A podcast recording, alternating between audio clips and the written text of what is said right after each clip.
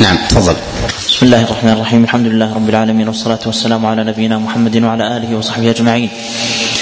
أما بعد فبأسانيدكم إليه رحمه الله تعالى. باب في المسافر يضحي قال حدثنا عبد الله بن محمد النفيلي وقال حدثنا أحمد بن خالد الخياط قال حدثنا حدثنا معاوية بن صالح عن أبي الزاهرية عن جبير بن نفير عن ثوبان قال ضحى رسول الله صلى الله عليه وسلم ثم قال يا ثوبان أصلح لنا لحم هذه الشاة فما فما زلت أطعمه منها حتى قدم المدينة. باب في ذبائح أهل الكتاب. حدثنا أحمد بن محمد بن ثابت المروزي وقال حدثنا علي بن الحسين قال قال حدثني علي بن حسين قال عن أبيه عن يزيد النحوي عن عكرمة عن ابن عباس قال فكلوا مما ذكر اسم الله عليه ولا تأكلوا مما لم يذكر اسم الله عليه. فنسخ واستثنى من ذلك فقال وطعام الذين أوتوا الكتاب حل لكم. فقال وطعام الذين أوتوا الكتاب حل لكم وطعامكم حل لهم. حدثنا محمد بن كثير قال أخبرنا إسرائيل قال حدثنا سماك, سماك عن كلمة عن ابن عباس في قوله وإن الشياطين ليوحون إلى أوليائهم.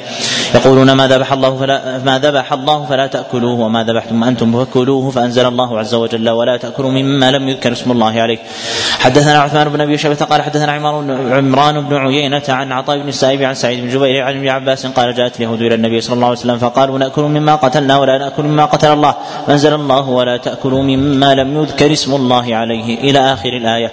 باب ما جاء في أكل معاقرة معاقر معاقرة الأعراب. حدثنا هارون بن عبد الله قال حدثنا أحمد بن مسعدة عن عوف عن أبي ريحانة عن ابن عباس قال نهى رسول الله صلى الله عليه وسلم عن معاقرة الأعراب. قال أبو داود اسم أبي ريحانة عبد الله بن مطر وغندر ووقفه على ابن عباس. باب في الذبيحة بالمروة والوقف والوقف أشبه. أحسن الله عليكم. باب في الذبيحة بالمروة. حدثنا مسدد قال حدثنا أبو الأحوص قال حدثنا سعيد بن مسروق عن عباية بن رفاعة عن أبيها عن جدي رافع بن خديج قال أتيت رسول الله صلى الله عليه وسلم فقلت يا رسول الله إنا نلقى العدو غدا وليس معنا مدا. فقال رسول الله صلى الله عليه وسلم فقال رسول الله صلى الله عليه وسلم أرنا واعجل ما أنهر الدم وذكر اسم الله عليه فكل. ما لم يكن سنا أو ظفرا وسأحدثكم عن ذلك. أما السن أما السن فعظم وأما الظفر فمدى الحبشة. وتقدم وقد وتقدم سرعان من الناس فتعجلوا فأصابه من الغنم فأصابوا أصابوا من الغنائم ورسول الله صلى الله عليه وسلم في آخر الناس فنصبوا قدورا فمر رسول الله صلى الله عليه وسلم بالقدور فأمر بها فأكفئت وقسم بينهم فعدل بعيرا بعشر شياه وند بعير من إبل القوم ولم يكن معهم خير فرماه رجل بسهم فحبسه الله فقال النبي صلى الله عليه وسلم إن, إن لهذه البهائم كأوابد الوحش. ما ما ما فعل منها هذا فافعلوا به مثل هذا. حدثنا مسدد ما فعل منها هذا فافعلوا به مثل هذا. حدثنا مسدد أن عبد الواحد بن زياد وحمادا حدثهم المعنى واحد عن عاصم عن الشعبي عن محمد بن صفوان وصفوان بن محمد قال اصطدت ارنبين فذبحتهما بمروة فسألت رسول الله صلى الله عليه وسلم عنهما فأمرني باكلهما حدثني حدثني حدثنا قتيبة قتيبة بن سعيد قال حدثنا يعقوب عن زيد بن أسلم عن عطاء بن يسار عن رجل من بني حارثة أنه كان يرى لقحة بشعب من شعاب أحد فأخذها الموت فلم يجد شيئا ينحرها بها فأخذ وتدا فوجأ بها في لب في لبتها حتى أهريق دمها ثم جاء إلى رسول الله صلى الله عليه وسلم فاخبره بذلك فامره بأكلها. حدثنا موسى بن إسماعيل قال حدثنا حماد عن سماك بن حرب عن مر مري, مري بن قطري عن عدي بن حاتم قال قلت يا رسول الله رايت ان ان, احدنا اصاب صيدا وليس معه سكين ويذبح بالمروه شق وشق وشقه العصا وشقه العصا فقال فقال امرر الدم بما شئت واذكر اسم الله عز وجل. باب ما جاء في ذبيحه المترديه. حدثنا احمد بن يونس. قال حدثنا حماد بن سلمه عن ابي العشراء عن ابيه انه قال يا رسول الله اما تكون الزكاه الا من اللبه أو الحلق؟ فقال رسول الله صلى الله عليه وسلم لو طعنت في فخذها لاجزع عنك قال ابو داود وهذا لا يصلح الا في المتردي والمتوحش. أبو العشرة وأبوه مجهولان. وقد تفرد بهذا الحديث. باب في المبالغة في باب المبالغة في الذبح. حدثنا هناد بن السريع والحسن بن عيسى مولى ابن مولى ابن المبارك عن ابن المبارك عن عن, عن عمرو بن عبد الله عن عكرمة عن ابن عباس زاد بن عيسى وأبي هريرة قال نهى رسول الله صلى الله عليه وسلم عن شريطة الشيطان زاد ابن عيسى في حديثه وهي التي تذبح فيقطع الجلد ولا تفرى ولا تفرى الأوداج ثم تترك حتى تموت باب ما جاء في ذكاة الجنين. حدثنا قال النبي قال حدثنا ابن المبارك وحدثنا مسدد قال حدثنا هشيم عن عن أبي الوداك عن أبي سعيد قال سألت رسول الله صلى الله عليه وسلم عن الجنين فقال كلوه إن شئتم. وقال مسدد قال قلنا يا رسول الله ننحر الناقة ونذبح البقرة أو الشاة في بطنها الجنين أن نلقي أن نلقيها أم نأكلها أن أم نأكله. فقال كلوه إن شئتم فإن ذكاته ذكاة أمه. حدثنا محمد بن يحيى بن فارس قال حدثني إسحاق مجالد بن سعيد ضعيف الحديث. وقد عل الحديث جماعة من العلماء. صلى الله عليكم. حدثني محمد قال حدثني محمد حدثني قال حدثني إسحاق بن إبراهيم قال حدثنا عتاب بن بن بشير قال حدثنا عبيد الله بن أبي زياد القداح المكي عن أبي الزبير عن جابر بن عبد الله عن رسول الله صلى الله عليه وسلم قال زكاة الجنين زكاة امه باب ما جاء في أكل اللحم لا يدرى ذكر اسم الله عليه لا حدثنا موسى بن إسماعيل قال حدثنا حماد حا وحدثنا قال ابي وقال حدثنا مالك حا وحدثنا يوسف بن موسى قال حدثنا سليمان بن حي المحاضر معنا. عن هشام بن عروة عن أبيه عن عائشة ولم يذكر عن حماد ومالك عن عائشة أنهم قالوا يا رسول الله إن قومنا حدثوا عهد بالجاهلية يأتوننا يأتونا بلحمان لا ندري أذكر اسم الله عليهم لم يذكروا فنأكل منها. فقال رسول الله صلى الله عليه وسلم سموا وكلوا. باب في العتيرات حدثنا مسدد قال حدثنا حا وحدثنا نصر بن علي عن بشر بن المفضل المعنى حدثنا قال حدثنا خالد الحد عن أبي قلوة عن أبي المليح قال قال نبيشة. نادى رجل رسول الله صلى الله عليه وسلم إنا كنا نعتر العتير نعتر عتيرة الجاهلية في رجب فما تأمرنا. قال اذبحوا لله في أي شهر كان وبروا لله عز وجل وأطعموا. قال إنا كنا نفرع فرعا في الجاهلية. فما تأمرنا قال في كل سامة فرع تغذوه ماشيتك حتى إذا استحمل. قال نصر استحمل الحجيج ذبحته فصد فتصدقت بلحمه. قال خالد أحسبه. قال على ابن السبيل فإن ذلك خير. قال خالد قلت لأبي قلابه كم ساميه قال مئة حدثنا أحمد بن عبدة. قال أخبرنا سفيان عن الزهري عن سعيد عن أبي هريرة أن النبي صلى الله عليه وسلم قال لا فرع ولا عتيرة. حدثنا الحسن بن علي. قال حدثنا عبد الرزاق. قال أخبرنا معمر عن الزهري عن سعيد قال الفرع أول النتاج كان ينتج لهم فيذبحوه. حدثنا موسى بن إسماعيل قال حدثنا حماد عن عبد الله بن عثمان بن خثيم عن يوسف بن ماهك عن عن, عن ماهك عن حفصة بنت عبد الرحمن عن عائشة رضي الله عنها قالت أمر رسول الله صلى الله عليه وسلم من كل خمسين شاة شاة. قال أبو داود قال بعضهم الفرع أول ما تنتج الإبل حتى كانوا يذبحونه لطواغيتهم ثم يأكله ويلقي جلده على الشجر ويلقى, ويلقى جلده على الشجر والعتيره في العشر الأول من رجب. باب في العتيقة باب في العقيقة. حدثنا مسدد قال حدثنا سفيان عن عمرو بن دينار عن عطاء بن حبي عن عطاء عن حبيبة بن ميسرة ابنة ميسرة. عن أم كرز الكعبية قالت سمعت رسول الله صلى الله عليه وسلم يقول عن الغلام شاتان مكافئتان وعن الجارية شات. قال أبو داود سمعت أحمد قال مكافئتان مستويتان أو مقاربتان. حدثنا مسدد قال حدثنا سفيان عن عبيد الله بن أبي يزيد. جاء عن عبد الله بن عمر أنه عق عن الغلام بشات. ثبت ذلك عند الإمام مالك وكذلك عند ابن أبي الدنيا. نعم. عن عبيد الله بن أبي يزيد عن أبيه عن سبع بن ثابت عن أم كرز قال سمعت النبي صلى الله عليه وسلم يقول اقروا الطير على وكناتها قال قالت وسمعته يقول عن الغلام شاتان وعن الجارية شاة لا يضركما ذكرانا كنا أم إناثا. حدثنا مسدد قال حدثنا أحمد بن زيد عن عبيد الله بن أبي يزيد عن سباع بن ثابت عن أم كرز قالت قال رسول الله صلى الله عليه وسلم عن الغلام شاتان مثلان وعن الجارية شاة. قال أبو داود هذا هو الحديث وحديث سفيان وهم. حدثنا حفص بن عمر النمري قال النمري قال حدثنا حدثنا همام قال حدثنا قتادة عن الحسن عن سمرة عن رسول الله صلى الله عليه وسلم قال كل غلام رهينة بعقيقته تذبح عنه يوم السابع ويحلق رأسه ويدمى. فكان قتادة إذا سئل عن الدم كيف يصنع به؟ قال إذا ذبحت العقيقة أخذت منها صوفة واستقبلت بها أوداجها ثم توضع على يافوق الصبي حتى يسيل على رأسه مثل الخيط ثم يغسل رأسه بعد ويحلق. قال أبو داود هذا وهم من همام ويدمى. حدثنا ابن حدثنا ابن ابن المثنى قال حدثنا ابن أبي عدي عن سعيد عن قتادة عن عن الحسن عن سمره بن جندب عن رسول الله صلى الله عليه وسلم قال كل غلام رهينة بعقيقته تذبح عنه يوم سابعه ويحلق ويسمى. قال أبو داود يسمى أصح كذا. قال سلام بن أبي مطيع عن قتادة وياس بن دغفل وياس بن دغفل واشعث عن الحسن. حدثنا حسن بن علي قال حدثنا عبد الرزاق قال حدثنا هشام بن حسن عن حفصة بنت سيرين عن الرباب عن عن سلمان عن سلمان بن عامر الضبي. قال قال رسول الله صلى الله عليه وسلم مع الغلام عقيقته فاهريقوا عنه دما واميطوا عنه الأذى. حدثنا يحيى بن خلف قال حدثنا عبد الاعلى قال حدثنا هشام عن الحسن إنه كان يقول اماطه الاذى حلق حلق الرأس. حدثنا أبو معمر عبد الله بن عمرو قال حدثنا عبد الوارث قال حدثنا أيوب عن عكرمة عن ابن عباس ان رسول الله صلى الله عليه وسلم عق عن الحسن والحسن كبشا كبشا. حدثنا وقال النبي قال حدثنا داود رواه وهيب وابن علي هذا الحديث عن أيوب وجعله مرسلا. وصواب في هذا الحديث الرسال كما رجحه أبو حاتم وغيره. وأما بالنسبة للحم العقيقة فماذا يصنع به؟ هل يقسم كالأضحية إلى أثلاث؟ ثبت هذا عن عبد الله بن مسعود أنه يقسم أثلاثا. ثلث صدقة وثلث هدية وثلث يطعمه أهل الدار. نعم. حدثنا القعنبي قال حدثنا داود بن قيس عن عمرو بن شعيب أن النبي صلى الله عليه وسلم وحدثنا محمد وحدثنا محمد بن مسلم الأنباري وقال حدثنا عبد الملك عن ابن عمرو عن داود عن عمرو بن شعيب عن أبيه أراه عن جده قال سئل رسول الله صلى الله عليه وسلم عن العقيقه فقال لا يحب الله العقوق كأنه كره الإسم ومن ولد له ولد فأحب أن ينسك عنه فلينسك عن الغلام شاتان مكافئتان وعن الجارية شاة. وسئل عن الفرع قال والفرع حق وأن تتركوه حتى يكون بكرا شغزبا ابن مخاض أو ابن لبون فتعطيه ورملة وتحمل عليه في سبيل الله خير من أن تذبحه فيلزق لحمه بوبره بوبره وتكفئ إناءك وتوله ناقتك وتوله ناقتك. حدثنا أحمد بن محمد بن ثابت قال حدثنا علي بن الحسين قال حدثنا حدثني أبي قال حدثنا عبد الله بن بريدة قال سمعت أبي بريدة يقول كنا في الجاهلية إذا ولد لأحدنا غلام ذبح شاة ولطخ رأسه بدمها فلما جاء الله بالإسلام كنا نذبح شاة ونحلق رأسه ونلطخه بزعفران بسم الله الرحمن الرحيم. باب الصيد باب في اتخاذ الكلب الصيد وغيره. حدثنا حسن بن علي قال حدثنا عبد الرزاق قال أخبرنا معمر عن الزهري عن أبي سلمة عن أبي هريرة عن النبي صلى الله عليه وسلم قال من اتخذ كلبا إلا كلب ماشية وصيد أو زرع انتقص من اجره كل يوم قراط.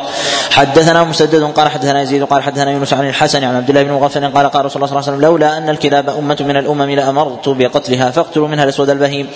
حدثنا يحيى بن معين قال حدثنا حماد بن خالد الخياط عن معاوية بن صالح عن عبد الرحمن بن جبير بن نفير عن ابي عن أبي ثعلبة الخشعي عن النبي عن النبي صلى الله عليه وسلم قال إذا رميت الصيد فأدركته بعد ثلاث ليال وسهمك فيه فكله فكله ما لم ينتن. حدثنا يحيى بن خلف قال ترخيص الشارع للكلاب الماشية والصيد والزرع فهذا تقييد بها لا يدخل فيها ما يشابهها. وذلك أن العلة من الماشية أو الزرع هي الحماية والحراسة فهل يدخل الحراسة فيما عد ذلك على سبيل العموم؟ نقول لا. لا يدخل لا يدخل في هذا إلا ما يدخل في دائرة الضرورات. وهنا قال من اتخذها فهل يجوز في ذلك أن يشتري الإنسان كلبا؟ لا يجوز له أيضا أن يشتري الكلب ولو لهذه الثلاثة. لكن لو لم يجده لصيد أو لماشية وزرع إلا بالشراء أو تعطلت مصلحته في هذا. نقول يجوز له شراؤه وإثمه على على من باعه. يكون حينئذ الإثم في ذلك على على من باعه. فيجوز الشراء ولا يجوز البيع. نعم. صلى الله عليه حدثنا حدثنا يحيى بن خلف قال حدثنا أبو عاصم عن ابن عن ابن جريج قال أخبرني أبو الزبير عن جابر قال أمر نبي نبي الله صلى الله عليه وسلم بقتل الكلاب حتى إن كانت المرأة تقدم من من البادية يعني بالكلب فنقتله ثم نهانا عن قتله وقال عليكم بالأسود. باب في الصيد. حدثنا محمد بن عيسى قال حدثنا جرير عن منصور عن إبراهيم عن همام عن عدي بن حاتم قال سألت النبي صلى الله عليه وسلم قلت إني أرسل الكلاب المعلمة فتمسك علي فاكل قال إذا أرسلت الكلاب المعلمة وذكرت اسم الله فكل مما سكن عليك. قلت وإن قتلنا؟ قال وإن قتلنا ما لم يشركها كلب ليس منها. قلت أرمي بالمعراض فأصيب فاكل قال إذا رميت بالمعراض وذكرت اسم الله فأصاب فخزق فكل وإن أصاب بعرضه فلا تأكل. حدثنا هناد بن السري قال أخبرنا ابن ابن فضيل عن بيان عن عامر عن عدي بن حاتم قال سألت النبي صلى الله عليه وسلم قلت إنا نصيد بهذه الكلاب فقال لي إذا أرسلت كلابك المعلمة وذكرت اسم الله عليها فكل مما سكن عليك وإن قتل إلا ان ياكل الكلب فان اكل فلا تأكل فإني أخاف أن يكون إنما أمسكه على نفسه. حدثنا موسى بن إسماعيل قال حدثنا حماد بن عاصم الأحول عن الشعبي عن عدي بن حاتم النبي صلى الله عليه وسلم قال إذا رميت إذا رميت سهمك وذكرت اسم الله فوجدته من الغد ولم تجده في ماء ولا ولا فيه أثر غير غير غير سهمك أو غير سهمك فكل وإذا اختلط بكلابك كلب من غيرها فلا تأكل لا تدري لعله قتله الذي ليس منها. حدثنا محمد بن يحيى بن فارس قال حدثنا أحمد بن حنبل قال وفي هذا وفي هذا عجب أن قصد الكلب ونيته مؤثرة على حل العمل وعدمه. فإذا كان الكلب قصد لنفسه فيحرم إذا كان قصد لك ف فيجوز. وأمارة ذلك أكله أو عدم أو عدم أكله. وهذا لدليل عظم البواطن وقصد والقصد سواء كان من الإنسان أو كان أو كان من الحيوان. نعم. حدثنا أحمد بن حنبل قال حدثنا يحيى بن زكريا بن أبي زائدة قال أخبرني عاصم الاحول عن الشعبي عن عدي بن حاتم النبي صلى الله عليه وسلم قال إذا وقع إذا وقعت رميتك في ماء فغرق فغرق فلا تأكل. حدثنا عثمان بن أبي شيبة قال حدثنا عبد الله بن نمير قال حدثنا مجالد عن شعبي عن عدي بن حاتم النبي صلى الله عليه وسلم قال ما علمت من كلب أو باز ثم ارسلته وذكرت وذكرت اسم الله فكل مما امسك مما أمسك عليك. قلت وإن قتل قال قال إذا قتله ولم يأكل منه شيئا فإنما أمسكه عليك حدثنا محمد بن عيسى قال حدثنا هشيم قال أخبرنا داود بن عمرو قال قال أخبرنا داود بن عمرو عن بوس بن عبيد الله عن أبي إدريس الخولاني عن أبي ثعلبة الخشني قال قال رسول الله صلى الله عليه وسلم في صيد في صيد الكلب إذا أرسلت كلبك وذكرت اسم الله فكل وإن أكل منه وكل ما ردت يدك. حدثنا حدثنا الحسين بن معاذ بن خليف قال حدثنا عبد الأعلى قال حدثنا داود قوله وإن أكل منه هذه منكرة في هذا الحديث. وذكرت اسم الله فكل وإن أكل منه. هذه رواية؟ منكرة في هذا في هذا الحديث. ولهذا تنكبها الشيخان. نعم. حدثنا الحسين بن معاذ بن خليف قال حدثنا عبد الأعلى قال حدثنا داود عن عامر عن عدي بن حاتم أنه قال يا رسول الله أحدنا يرمي الصيد فيقتفي أثره اليومين والثلاثة ثم يجده ميتا وفيسا فيأكل. قال نعم إن شاء أو قال يأكل إن شاء. حدثنا محمد بن كثير قال أخبرنا شعبة عن عبد الله بن أبي السفر السفري عن الشعبي قال قال عدي بن حاتم سألت النبي صلى الله عليه وسلم عن المعراض فقال إذا أصاب بحده فكل وإذا أصاب بعرضه فلا تأكل فإنه وقيل. قلت ارسل كلبي قال فإذا سميت فكل وإلا فلا تأكل. وإن أكل منه فلا تأكل فإنما أمسك لنفسه. فقال ارسل كلبي فاجد عليه كلبا آخر. قال لا تأكل لأنه إنما سميت على كلبك.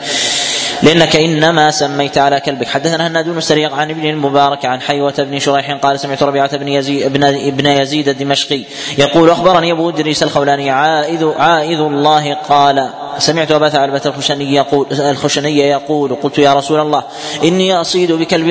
بكلبي المعلم وبكلبي الذي ليس ليس بمعلم قال ما مصدت بكلبك المعلم فاذكر اسم الله وكل ومصدت بكلبك الذي ليس بمعلم فأدركت زكاته فكل حدثنا محمد بن مصفى قال حدثنا محمد بن حرب حا وحدثنا محمد بن مصفى قال حدثنا بقية عن الزبيدي قال حدثنا يونس بن سيف قال حدثنا أبو دريس الخولاني قال حدثني أبو ثعلبة الخشني قال قال لي رسول الله صلى الله عليه وسلم يا أبا ثعلبة كل ما ردت عليك قوسك وكلبك زاد عن ابن حرب المعلم ويدك فكل ذكيا وغير ذكي.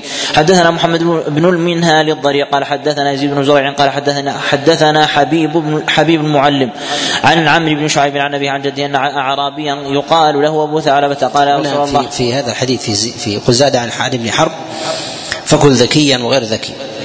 هذه اللفظة أيضا شاذة شاذة في هذا الحديث. فلا يطلق بكل شيء صيد ذكيا أو غير ذكي أنه انه جائز نعم. أن أعرابيا يقال له أبو ثعلبة قال يا رسول الله إن لي كلابا مكلبة فأفتني في صيدها. فقال النبي صلى الله عليه وسلم إن كان لك كلاب مكلبة فكل مما, مما أمسكنا عليك. قال ذكيا أو غير ذكي. قال وإن أكل منه قال وإن أكل منه قال يا رسول الله أفتني في قوسي قال كل ما ردت عليك قوسك. قال ذكيا وغير ذكي. قال وإن تغيب عني. قال وإن تغيب عنك ما لم ما لم تصل ما لم تصل أو تجد فيه أثرا غير سهمك. قال فقال أفتني في آنية المجوس إذا اضطررنا إليها. قال قال اغسلها وكل فيها. باب في صيد قط لماذا قال تجد فيها أثرا غير غير سهمك؟ لأنه ربما صاده شخص لغير الله. صاده شخص لغير لغير الله. فكيف تأكل شيئا صيد لغير الله؟ يعني ما يدل على شدة الاحتياط في مسألة معرفة اللحم ذكي أو لم يذكى أو قصد به الله أو لم يقصد به الله. نعم. صلى الله عليه وسلم. باب في صيد قطع منه قطعة حدثنا عثمان بن أبي شيبة قال حدثنا هاشم بن القاسم قال حدثنا عبد الرحمن بن عبد الله بن دينار عن زيد بن اسلم عن عطاء بن يسار عن أبي واقد قال قال رسول الله صلى الله عليه وسلم ما قطع من البهيمة وهي حية فهي, فهي ميتة. ويستثنى من هذا ما قطع من البهيمة ثم قطع منها بغير قصد. كأن تكون ندت أو هربت ثم رمى عليها فقطع منها شيئا كيقطع مثلا إلية الشاة أو سنام الإبل يرميها لهربها ثم أدركها فذبحها. فحينئذ ما قطع منها قبل ذلك يكون حكمه ما حكم ما ذكى بعد ذلك. وإذا قطع منها ولم يدركها حينئذ ما قطع منها ميت. ما قطع منها ميت نعم.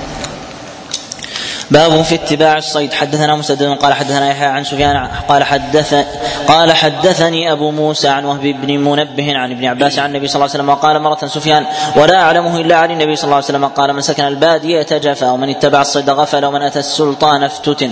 آخر كتاب الضحايا. بسم الله الرحمن الرحيم. أول كتاب الوصايا. باب ما يؤمر به من الوصية. حدثنا مسدد بن مسرهد قال حدثنا يحيى عن عبيد الله قال حدثني نافع عن عبد الله يعني ابن يعني ابن عمر عن رسول الله صلى الله عليه وسلم قال ما حق امرئ مسلم له يوصي فيه يبيت ليلتين الا وصيته مكتوبة عنده. حدثنا مسدد محمد بن العلاء قال حدثنا أبو معاويه عن الأعمش عن وائل عن مسروق عن عائشة قالت ما ترك رسول الله صلى الله عليه وسلم دينارا ولا درهما ولا بعيرا ولا شاة ولا اوصى بشيء باب ما لا وهذا دليل على أهمية الوصية ولهذا ذهب بعض العلماء إلى وجوبها. والصواب ان الوصية لا تجب إلا لمن كان عليه حق. أن يكون عليه حق للناس فيجب عليه أن يوصي. أو كان عنده مال كثير لو تركه لأهدر وضاع. فإنه يوصي يوصي به حفظا لحق الله عز وجل للناس عليه. نعم. باب ما لا يجوز للموصي في ماله. حدثنا عثمان بن أبي شيبة قال حدثنا سفيان عن الزهري عن عامر بن سعد عن أبيه قال مرض مرضا اشفى أشفى فيه فعاده رسول الله صلى الله عليه وسلم فقال يا رسول الله إن لي مالا كثيرا وليس يرثني إلا ابنتي. افتصدق بالثلثين؟ قال لا. قال فبالشطر؟ قال لا. قال بالثلث قال فالثلث قال الثلث والثلث كثير. إنك أن أن تترك ورثتك. اغنياء خير من أن تدعهم. عاله يتكففون الناس وإنك لن تنفق نفقة إلا اجرت بها حتى اللقمة ترفعها إلى في إلى في امرأتك. قلت يا رسول الله يتخلف عن هجرتي. قال إنك إن تخلف بعدي فتعمل عملا تريد به وجه الله لا تزداد به إلا رفعة ودرجة لعلك أن تخلف حتى ينتفع بك أقوام ويضر بك آخرون. ثم قال اللهم أمضي لأصحاب هجرتهم ولا تردهم على عقابهم لكن البائس سعد بن خولة يرثي له رسول الله صلى الله عليه وسلم أم مات بمكة. باب في كراهية الإضرار في الوصية. حدثنا مسدد قال حدثنا عبد الواحد بن زياد قال حدثنا عمارة بن قعقاع عن أبي زرعة عن ابن عمرو بن, جر بن جرير عن أبي هريرة قال قال قال رجل للنبي صلى الله عليه وسلم يا رسول الله أي الصدقة أفضل؟ قال أن تصدق وأنت صحيح حريص. تأمل البقاء وتخشى الفقر ولا تمهل. حتى إذا بلغ بلغت الحلقوم قلت لفلان كذا ولفلان كذا قد كان لفلان. حدثنا أحمد بن صالح قال حدثنا ابن أبي فديك قال أخبرني ابن أبي ذئب عن شرح عن أبي عن أبي سعيد الخدري أن رسول الله صلى الله عليه وسلم قال لأن يتصدق المرء في حياته بدرهم خير له من يتصدق بمئة عند موته. حدثنا شرحبيل لا يحتج به. الراوي عن أبي سعيد. ولا شك أن الصدقة في زمن القوة أفضل من الصدقة في زمن العجز. لأن الإنسان إذا كان في زمن القوة وغاية المتعة والاستمتاع والأمان بالمال فإن أمله في ذلك كثير أن يستمتع بأوفر ماله. وإذا كان آيسا من بقية الحياة لمرض أو عجز أو كبر وهرم فإن تشوفه إلى المال يضعف ولهذا إخراج المال منه أيسر.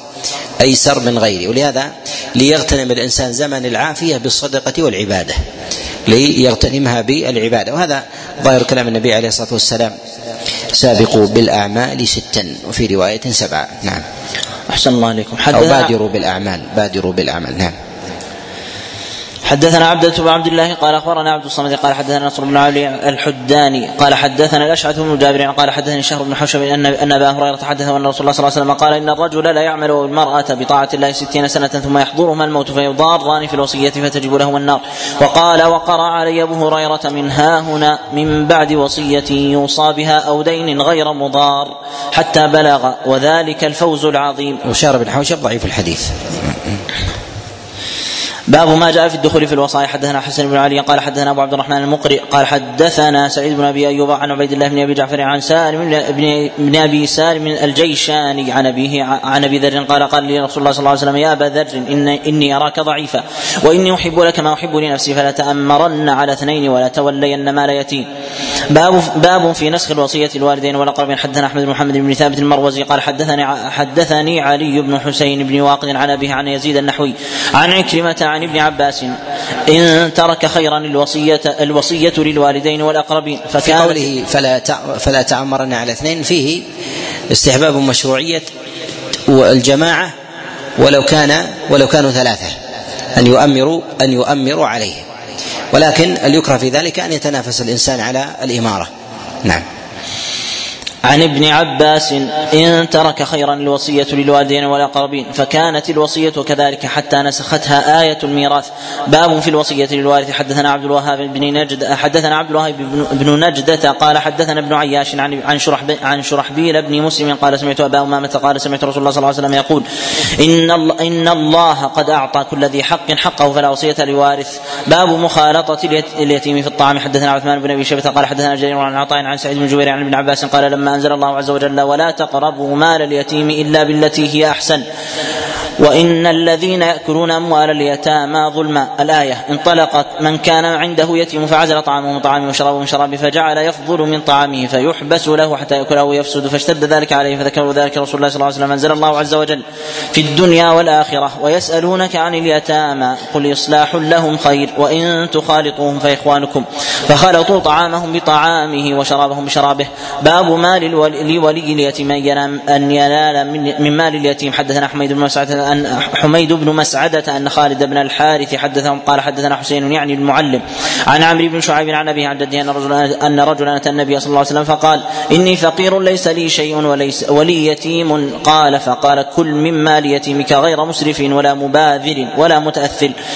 باب متى ينقطع اليتم. حدثنا أحمد بن صالح قال حدثنا يحيى بن محمد المدينة قال حدثنا عبد الله بن خالد بن سعيد بن أبي مريم عن ابيها عن سعيد بن عبد الرحمن بن رقيش أنه سمع شيوخا من بني عمرو بن عوف ومن خاله عبد عبد الله بن أبي أحمد قال قال علي بن أبي طالب حفظت عن رسول الله صلى الله عليه وسلم لا يتم بعد احتلام ولا صمات يوم إلى الليل. باب في التشديد في أكل في التشديد في أكل مال اليتيم. حدثنا أحمد بن سعيد الهمداني قال حدثنا ابن وهب عن سليمان بن بلال عن ثور عن ثور عن ثور بن زيد عن أبي الغيث عن أبي هريرة أن رسول الله صلى الله عليه وسلم قال اجتنبوا اجتنبوا السبع الموبقات. قيل يا رسول الله وما هن؟ قال الشرك بالله والسحر وقتل النفس التي حرم الله إلا بالحق وأكل الربا وأكل مال اليتيم والتولي يوم الزحف وقذف المحصنات الغافلات المؤمنات. حدثنا إبراهيم بن يعقوب الجوزجاني قال حدثنا معاذ معاذ بن هاني قال حدثنا حرب بن شداد قال حدثنا يحيى بن أبي كثير عن عبد الحميد بن سنان عن عبيد عن عبيد بن عمير عن أبيه أنه حدثه كانت له صحبة أن رجلا سأله فقال يا رسول الله ما الكبائر ما الكبائر؟ فقال هن تسع فذكر معناه زاد وعقوق الوالدين المسلمين المسلمين. واستحلال البيت الحرام قبلة قبلتكم أحيانا وأمواتا. باب الدليل على أن الكفن من رأس المال. وذلك أن عقوق الوالد المسلم أعظم من عقوق غيره لحقه في الولادة وحقه في الإسلام. نعم. باب الدليل على أن الكفن من رأس المال. حدثنا محمد بن كثير قال أخبرنا سفيان عن الأعمش عن أبي وائل عن خباب قال قال مصعب بن عمير قتل يوم أحد ولم تكن له ولم تكن له إلا نمرة كنا إذا غطينا رأسه خرجت رجله وإذا غطينا رجليه خرج رأسه فقال رسول الله صلى الله عليه وسلم غطوا بها رأسه واجعلوا على رجليه من الإذخر. باب الرجل يهب الهبة ثم يوصى له به أو يرث. حدثنا احمد أحمد بن يونس قال حدثنا زهير عن قال حدثنا عبد الله بن عطاء عن عبد الله بن بريدة عن أبي بريده عن أبيه بريدة عن أبي بريده أن امرأة أتت رسول الله صلى الله عليه وسلم فقالت كنت تصدقت على أمي بوليدة وإنها ماتت وتركت تلك الوليدة. قال قد وجب أجرك ورجعت إليك في الميراث. قالت وإنها ماتت وعليها صوم شهر افيجزي أو يقضي عنها نصوم عنها. قال قال نعم.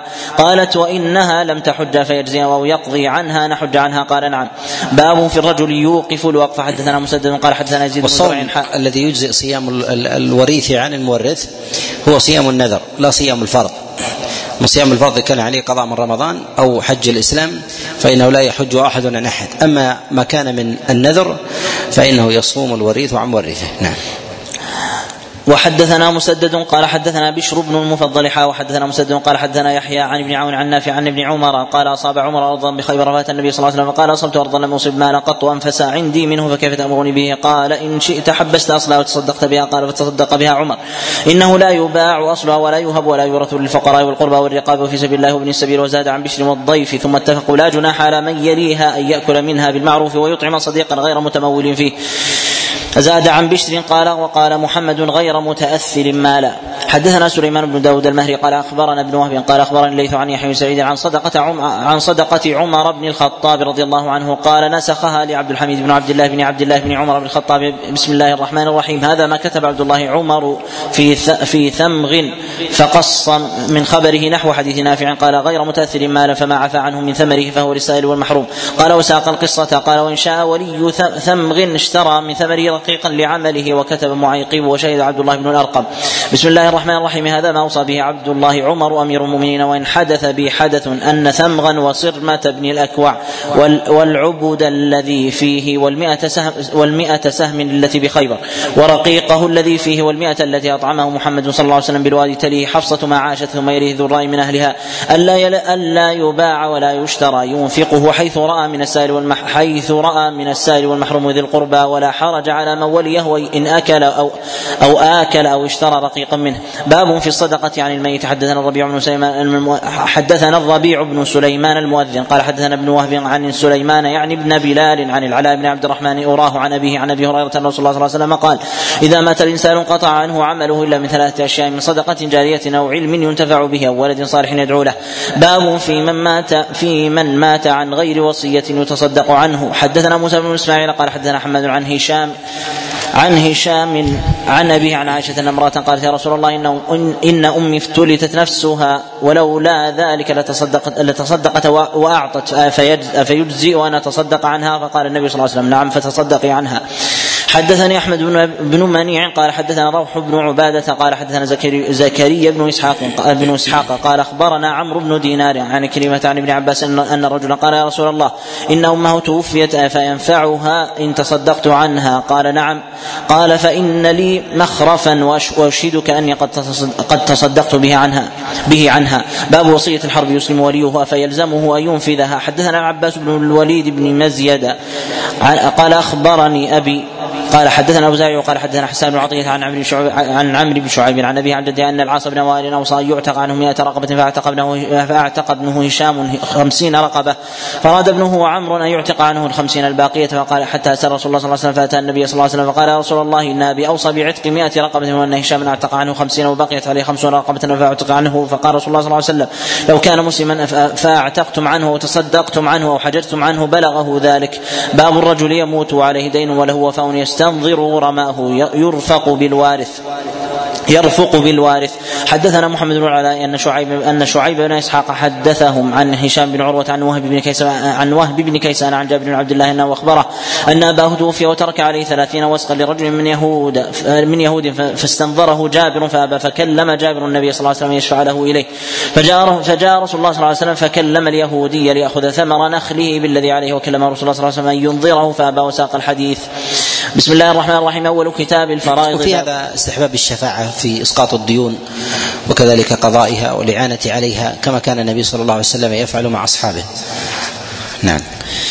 باب في تعليم الفرائض. حدثنا أحمد بن عمرو بن سرح قال أخبرنا ابن وهب قال حدثني عبد الرحمن بن زياد عن عبد الرحمن بن رافع التنوخي عن عبد الله بن عمرو بن العاص أن رسول الله صلى الله عليه وسلم قال العلم ثلاثة وما سوى ذلك فهو فضل آية محكمة وسنة قائمة وفريضة عادلة. الأفريقي عبد الرحمن بن زياد بن أنعم وشيخه ضعيفان. شيخه عبد الرحمن وهو عبد الرحمن. نعم. أحسن الله عليكم. باب في الكلالة. حدثنا أحمد بن حنبل قال حدثنا سفيان قال سمعت ابن المنكدر أنه سمع جابرا يقول مرضت فأتاني النبي النبي صلى الله عليه وسلم يعودني هو وأبو بكر ماشيين وقد أغمي علي فلم أكلمه فتوضأ وصبه علي فأفقت فقلت يا رسول الله كيف أصنع في مالي ولي أخوات؟ قال فنزلت آية المواريث يستفتونك قل الله يفتيكم في الكلالة. من كان لي ليس له ولد وله أخوات.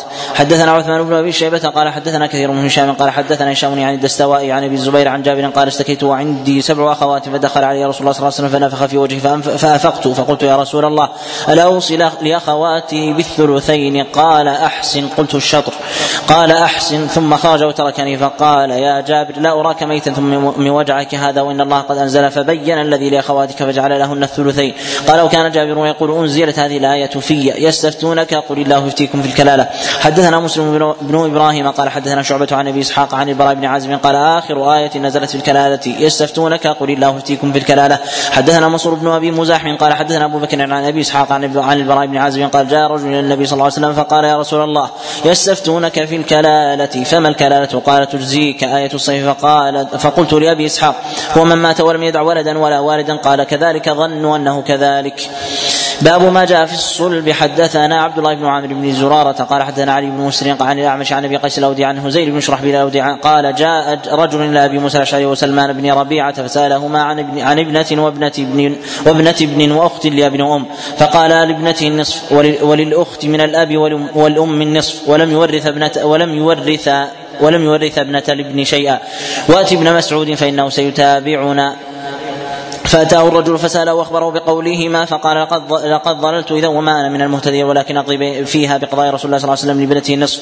ولابنة الابن سهم تكملة تكملة الثلثين وما بقي فللأخت من الأب والأم. حدثنا مسدد قال حدثنا بشر بن المفضل قال حدثنا عبد الله بن محمد بن عقيل عن جابر بن عبد الله قال خرجنا مع رسول الله صلى الله عليه وسلم حتى حتى جئنا امرأة من الأنصار في الأسواف فجاءت المرأة ببنتين فقالت يا رسول الله هاتان بنتا ثابت بن قيس قتل معك يوم أحد وقد وقد استفى عمه عمهما مالهما وميراثهما كله. فلم يدع لهما مالا إلا أخذه فما ترى يا رسول الله فوالله لا تنكحان ابدا إلا ولهما مال. فقال رسول الله صلى الله عليه وسلم يقضي الله في ذلك. قال ونزلت سورة النساء يوصيكم الله في أولادكم الآية. فقال رسول الله صلى الله عليه وسلم ادعوا لي المرأة وصاحبها. فقال لعمها أعطيها أعطيهما الثلثين واعطي امهما الثمن وما بقي فلك. قال أبو داود أخطأ في بشر هم ابنتا سعد بن الربيع ثابت بن قيس قتل يوم يوم اليمامة.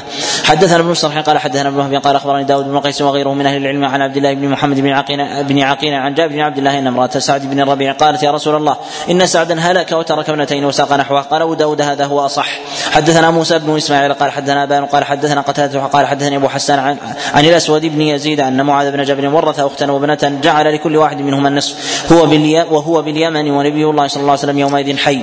باب في الجدة. حدثنا قال النبي عن مالك عن ابن شهاب عن عثمان بن إسحاق بن خرشة عن قبيصة بن ذؤيب أنه قال جاءت الجدة إلى أبي بكر الصديق تسأل ميراثها فقال ما لك في كتاب الله تعالى شيء؟ وما علمت لك في سنة نبي الله صلى الله عليه وسلم شيئا فارجعي حتى سأل الناس فسأل الناس فقال المغيرة بن شعبة حضرت رسول الله صلى الله عليه وسلم أعطاه السدس. فقال أبو بكر هل معك غيرك؟ فقام محمد بن مسلمة فقال مثل ما قال المغيرة بن شعبة فأنفذه لها أبو بكر. ثم جاءت الجدة الأخرى إلى عمر بن الخطاب رضي الله عنه تسأله ميراثها فقال ما لك في كتاب الله تعالى شيء وما كان القضاء الذي قضي به إلا لغيرك وما أنا بزايد في الفرائض بزايد في الفرائض. ولكن هو ذلك هو ذلك السدس فإن, فإن اجتمعتما فيه فهو بينكما وأيما ما خل وأيما ما خلت به فهو لها. حديث يروي قبيصة عن أبي بكر ولم يسمع منه أو لم يدركه أصلا. نعم. حدثنا محمد بن عبد العزيز بن عبد العزيز بن ابي ابن أبي رزمة قال أخبرني أبي قال حدثنا عبيد الله العتكي عن ابن بريدة عن أبي أن النبي صلى الله عليه وسلم جعل للجدة السدس إذا لم تكن دونها أم. باب في في ميراث هذا الحديث رواه العتكي وعبيد الله العتكي منكر الحديث. يقول البخاري رحمه الله عنده مناكير. أحسن الله عليكم. باب في ميراث الجد. حدثنا محمد بن كثير قال أخبرنا همام عن قتادة عن الحسن عن عمران بن حسين أن رجلا أتى النبي صلى الله عليه وسلم فقال إن ابن إن ابن ابني إن ابن ابني مات فما لي من ميراثه. قال ملك قال لك السدس. فلما أدبر دعاه فقال لك سدس آخر. فلما أدبر دعاه فقال إن السدس الآخر طعمة. قال قتادة فلا يدرون من أي شيء ورثها قال قتادة وأقل شيء ورث الجد السدس. يقول أبو حاتم المديني لم يسمع الحسن البصري من عمران بن حسين. حدثنا وهب بن بقية عن خالد عن يونس عن الحسن أن عمر قال أيكم يعلم ما ورث رسول الله صلى ما ورث رسول الله صلى الله عليه وسلم الجد؟ فقال معقل بن يسار أنا ورث أنا ورثه رسول الله صلى الله عليه وسلم السدس فقال قال مع من؟ قال لا أدري. قال لا دريت فما تغني إذا حديث مرسل أيضا. لم يسمعه الحسن من عمر. أحسن الله عليكم. باب في ميراث العصر. حدثنا أحمد بن صالح ومخلد بن خالد وهذا حديث مخلد وهو أشبع. قال حدثنا عبد الرزاق قال حدثنا معمر عن ابن طاووس عن أبيه عن, عن ابن عباس قال قال رسول الله صلى الله عليه وسلم اقسموا المال بين أهل الفرائض على كتاب الله فما تركت الفرائض فلأولى ذكر. باب في ميراث ذوي الأرحام. حدثنا حفص بن عمر قال حدثنا شعبة عن بديل عن علي بن أبي طلحة عن راشد بن سعد عن أبي عامر عن مقدام قال قال رسول الله صلى الله عليه وسلم من ترك كلا فإلي وربما قال إلى الله وإلى رسوله وإلى رسوله. ومن ترك مالا فلوراثته وأنا وارث من لا وارث له اعقل له وارثه والخال وارث من لا وارث له يعقل عنه ويرثه. حدثنا سليمان بن حرب في آخرين قالوا حدثنا حماد عن بدين عن علي بن أبي طلحة عن راشد بن سعد عن أبي عامر الهوزني عن المقدام عن المقدام الكن الكندي. قال قال رسول الله صلى الله عليه وسلم أنا أولى بكل مؤمن من نفسي فمن ترك دينا أو ضيعة فإلي ومن ترك مالا فلورثته وأنا مولى من لا مولى له أرث ماله وأفك عانه والخال مولى من لا من لا مولى له يرث ماله ويفك عانه.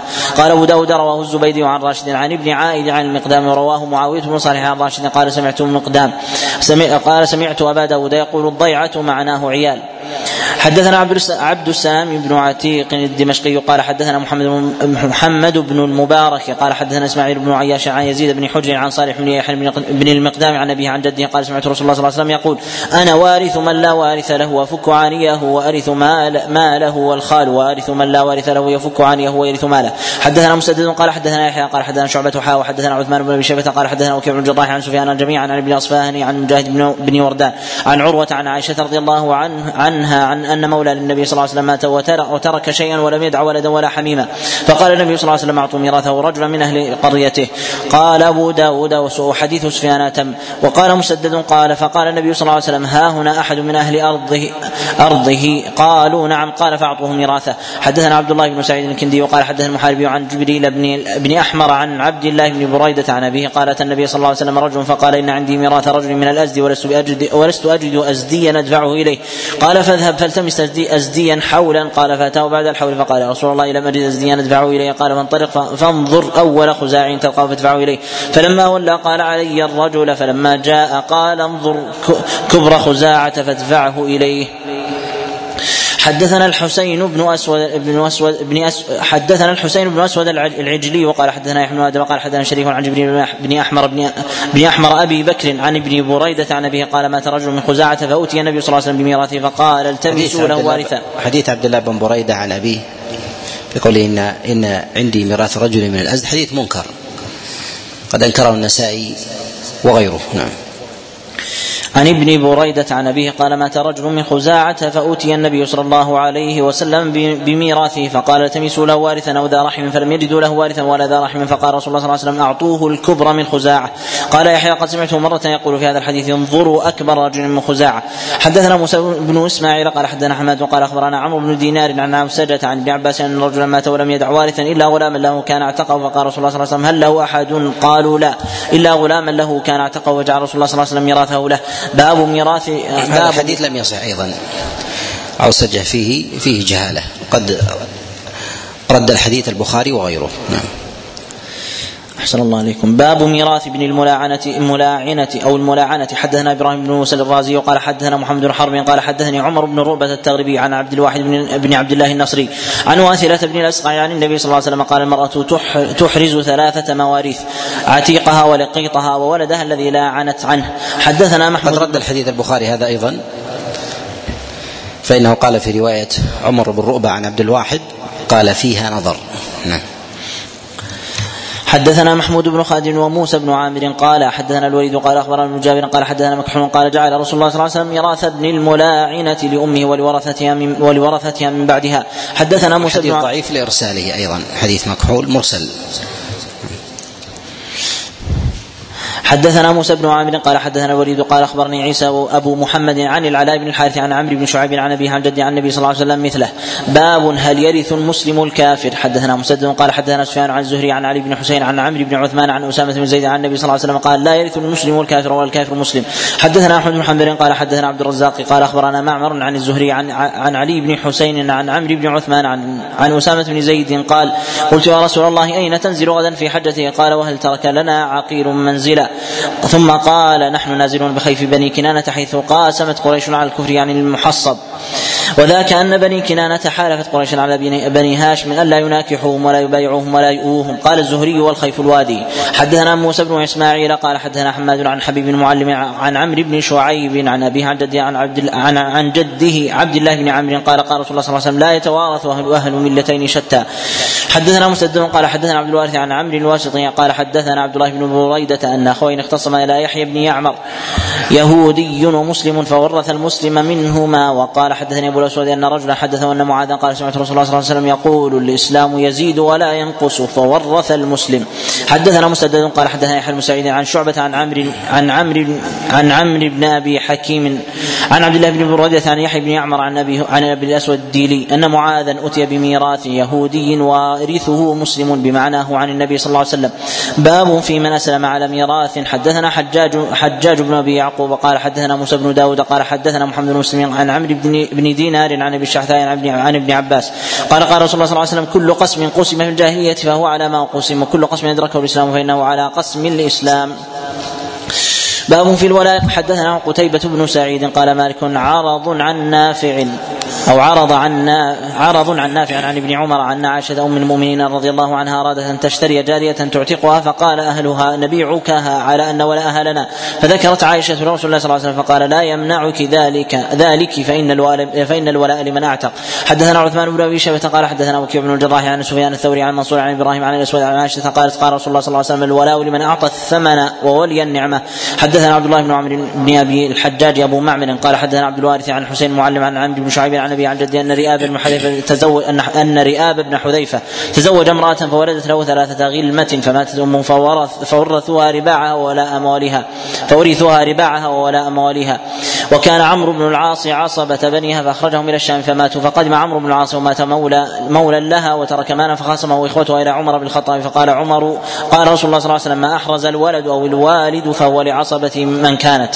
قال فكتب له كتابا فيه شهادة عبد الرحمن بن عوف وزيد بن ثابت وزيد بن ثابت ورجل آخر فلما استخلف عبد الملك اختصموا إلى هشام بن إسماعيل أو إلى إسماعيل بن هشام فرفعوا إلى عبد الملك. فقال هذا من القضاء الذي ما كنت أراه. قال فقضى لنا بكتاب عمر بن الخطاب عمر بن الخ... بكتاب عمر بن الخطاب. فنحن فيه إلى الساعة. باب في الرجل يسلم على يد الرجل. حدثنا يزيد بن خالد بن موهب الرمل وهشام بن عمار قال حدثنا يحيى قال أبو داود وهو ابن حمزة. عن عبد العزيز بن عمر قال سمعت عبد الله بن موهب يحدث عن عم... يحدث عمر بن عبد العزيز عن قبيصة بن ذؤيب قال هشام عن تميم الداري أنه قال يا رسول الله وقال يزيد أن تميما قال يا رسول الله ما السنة في رجل يسلم على يدي الرجل من المسلمين؟ قال هو أولى الناس بمحياه ومماته. باب في بيع الولاء. حدثنا حفص بن عمر قال حدثنا شعبة عن عبد الله بن دينار عن ابن عمر قال نهى رسول الله صلى الله عليه وسلم عن بيع الولاء وعن هبته. باب في المولود يستهل ثم يموت. حدثنا حسين بن معاذ قال حدثنا عبد الله قال حدثنا محمد يعني ابن إسحاق يعني ابن يعني ابن إسحاق عن يزيد بن عبد الله بن قسيط. عن أبي هريرة عن النبي صلى الله عليه وسلم قال إذا استهل المولود ورث باب نسخ ميراث العقد بميراث الرحم. حدثنا أحمد بن محمد بن ثابت بن ثابت قال حدثني علي بن حسين عن أبيه عن يزيد النحوي عن كلمة عن ابن عباس قال والذين عاقدت أيمانكم فآتوهم نصيبهم. كان الرجل يحالف الرجل. ليس بينهما نسب فيرث أحدهما الآخر فنسخ ذلك الأنفال. فقال وأولو الأرحام بعضهم أولى ببعض في كتاب الله. حدثنا هارون بن عبد الله قال حدثنا أبو سامة قال حدثني إدريس بن يزيد قال حدثنا طلحة بن مصرف عن سعيد بن جبير عن ابن عباس في قوله تعالى والذين عاقدت أيمانكم فآتوهم فاتهم نصيبهم. قال كان المهاجرون حين قدموا المدينة تورث الأنصار دون ذوي رحمه للإخوة التي آخر للأخوة التي آخى رسول الله صلى الله عليه وسلم بينهم. فلما نزلت هذه الآية ولكل جعلنا موالي مما ترك الوالدان والأقربون. قال نسختها والذين عاقدت أيمانكم فاتوا نصيبهم من النصر والنصيحة والرفادة ويوصى له وقد ذهب الميراث. حدثنا أحمد بن حنبل وعبد العزيز بن احياء المعنى. قال أحمد حدثنا محمد بن مسلمة عن ابن إسحاق عن داود بن الحسين قال كنت أقرأ على أم سعد بن على أم سعد بنت الربيع. وكانت يتيمة في حجر أبي بكر فقرأت والذين عاقدت أيمانكم فقالت لا تقرأ والذين عاقدت أيمانكم إنما نزلت في أبي بكر وابنه عبد الرحمن حين أبى الإسلام. فحلف أبو بكر أن لا يورثه. فلما أسلم أمره نبي الله أن صلى الله عليه وسلم أن يؤتيه نصيبه. زاد عبد العزيز فما أسلم حتى حمل على الإسلام بالسيف أو حتى حتى حمل على الإسلام بالسيف. حدث حتى عندي عندي وجهان. كلها صحيحة. أحسن الله عليك. حدثنا أحمد بن محمد بن ثابت بن ثابت قال حدثنا علي بن حسين عن أبيه عن يزيد النحوي عن كلمة عن ابن عباس والذين آمنوا وهاجروا والذين آمنوا ولم يهاجروا. قال فكان الأعرابي لا يرث المهاجر ولا يرث المهاجر فنسختها فقال وأولو الأرحام بعضهم أولى ببعض. باب في الحلف. حدثنا عثمان بن أبي شيبة قال حدثنا محمد بن بشر وابن نمير وأبو سامة عن زكريا عن سعد بن إبراهيم عن أبي عن جبير بن مطعم قال قال رسول الله صلى الله عليه وسلم لا حلف في الإسلام وأيما حلف كان في الجاهلية لم يزده الإسلام إلا شدة. حدثنا مسدد قال حدثنا سفيان عن عاصم لا حلف في الإسلام إلا على الإسلام. لا يكون ثمة حلف ليكون على القبيلة مع وجود الإسلام لأن هذا تحزب. لأن هذا تحزب يفوت حظ الإسلام. يفوت حظ الإسلام. فالواجب في ذلك أن تزول أن يزول اجتماع الناس على على بلدانهم أوطانهم وطنية أو, أو قبلية أو غير ذلك ويكون اجتماعهم على على الإسلام. ويستثنى من ذلك ما أذن الشارع به وذلك من حق الأرحام والقرابة. من القرابات من الصلة والذب عن القريب وإعطائه وهبته وتخصيصه بشيء دون دون الأبعدين. نعم. أحسن الله عليكم. حدثنا مسدد قال حدثنا سفيان عن عاصم الأحوال قال سمعت أنس بن مالك يقول حالف رسول الله صلى الله عليه وسلم بين المهاجرين والأنصار في دارنا فقيل له أليس؟ قال رسول الله صلى الله عليه وسلم لا حلف في الإسلام. فقال حالف رسول الله صلى الله عليه وسلم بين المهاجرين والأنصار في دارنا مرتين وثلاثة. باب في المرأة ترث من دية زوجها. حدثنا أحمد بن صالح قال حدثنا سفيان عن الزهري عن سعيد قال كان عمر بن الخطاب يقول الدية للعاقلة ولا ترث المرأة من دية زوجها شيئا. حتى قال له بن سفيان كتب إلي رسول الله صلى الله عليه وسلم أن أن, أن نورث امرأة أشيم الضبابي من دية زوجها. الضبابي. أحسن الله عليك. أن نورث امرأة أشيم الضبابي من دية زوجها فرجع عمر. حدثنا أحمد بن صالح قال حدثنا عبد الرزاق بهذا الحديث عن معمر عن الزهري عن سعيد قال وقال فيه وكان النبي صلى الله عليه وسلم استعمله على الأعراب. بسم الله الرحمن الرحيم. أول كتاب الخراج والاماره والفيء. باب ما يلزم الإمام من حق الرعية. حدثنا عبد الله بن مسلمة عن مالك عن عبد الله بن دينار بن دينار عن عبد الله بن عمر أن رسول الله صلى الله عليه وسلم قال الا كلكم راع وكلكم مسؤول عن رعيته فالامير الذي على الناس راع عليهم وهو مسؤول عنهم. والرجل راع على أهل بيته وهو مسؤول عنهم والمرأة راعية على بيت بعلها وولده وهي مسؤولة عنهم والعبد راع على مال سيده وهو مسؤول عنه فكلكم راع وكلكم مسؤول عن رعيته. كل أحد لديه ولاية مسؤول عنها. وأعظم الولايات هي الولاية الكبرى لأنها شاملة للجميع. شاملة للجميع. شاملة للأموال وللأفراد. شاملة للأنفس والعقول وللدين والأعراض. وغير ذلك. لهذا يقول النبي عليه الصلاة والسلام ما من رجل يلي أمر ثلاثا فما فوق إلا جاء يوم القيامة مغلولة يده إلى عنقه فكه بره وأبقه إثمه. يعني الأصل أنه مؤاخذ. يأتي مقيدا فيفكه عدله فيفكه عدله لأنه لا يكاد يسلم من مظالم الناس أحد إلا ما رحم الله. نعم. أحسن الله عليكم. باب باب ما جاء في طلب الإمارة. حدثنا محمد بن الصباح البزاز قال حدثنا هشيم قال أخبرنا يونس ومنصور عن الحسن عن عبد الرحمن بن سمرة قال قال لي النبي صلى الله عليه وسلم يا عبد الرحمن بن سمرة لا تسأل الإمارة فإنك إن أعطي إن أعطيتها عن مسألة وكلت وكلت فيها إلى نفسك وإن أعطيتها عن غير مسألة وعنت عليها. حدثنا وهب بن باقية قال حدثنا خالد عن إسماعيل بن أبي ولا حرج من أن يتشوف الإنسان للإمارة لا لحظ نفسه لإقامة العدل إذا لكن لم يكن في الأمة أحد صالح. أحد صالح. وذلك كما طلبها يوسف عليه السلام. لا لحظ نفسه وإنما لحظ لحظ الأمة. في قوله اجعلني على خزائن الأرض. وذلك لما رأى أمر الأمة مهلك ويسير إلى إلى غير خير. فسألها حتى حتى يقيم أمر الناس. وإلا فالاصل فالأصل انها أنها مكروهة. نعم. حدثنا وهب بن بقية قال حدثنا خالد عن إسماعيل بن أبي خالد عن أخي عن بشر بن قرة الكلبي عن أبي بردة عن أبي موسى قال انطلقت مع رجلين إلى النبي صلى الله عليه وسلم فشهد أحدهما. ثم قال جئنا لتستعين بنا على عملك. فقال الآخر مثل قول صاحبه. فقال ان ان إن اخوانكم إن أخو إن أخونكم عندنا من طلبه فاعتذر أبو موسى إلى النبي صلى الله عليه وسلم وقال لم أعلم لما جاء لما جاء له فلم يستعن بهما على شيء حتى مات. باب في الضرير وأخو إسماعيل الذي يروي عنه إسماعيل بن أبي خالد يقول عن أخيه أخيه أخيه لا يعرف. أخوه لا يعرف. نعم. باب في الضرير يولى حدثنا محمد بن عبد الله المخر المخرمي وقال حدثنا عبد الرحمن بن مهدي قال حدثنا عمران القطان عن قتادة عن أنس بن مالك النبي صلى الله عليه وسلم استخلف ابن أم مكتوم على المدينة مرتين. باب في اتخاذ الوزير. حدثنا موسى بن عامر المري قال حدثنا الوليد قال حدثنا زهير بن محمد عن عبد الرحمن بن القاسم عن أبيه عن عائشة قالت قال رسول الله صلى الله عليه وسلم إذا أراد الله بالأمير خيرا جعل له وزير صدق إذا إن نسي ذكره وإن ذك وإن ذكر أعانه. وإذا أراد به غير ذلك ولاية ولاية الأعمى هنا ولاية عارضة لا ولاية دائمة. والولاية العارضة للأعمى لا حرج فيها. وأما الولاية الدائمة فتكره. نعم. أحسن الله عليكم وإذا أراد به غير ذلك جعل له وزير سوء إن نسي لم يذكره وإن ذكر وإن ذكر لم يعنه باب في العرافة. حدثنا عمرو بن عثمان قال حدثنا محمد بن حرب عن أبي سلمة سليمان بن سليمان بن سليم عن يحيى بن جابر عن صالح بن يحيى بن المقدام عن جده المقدام بن معدي كرب أن رسول الله صلى الله عليه وسلم ضرب على منكبه ثم قال أفلحت يا قديم إن مت ولم تكن أميرا ولا كاتبا ولا عريفا.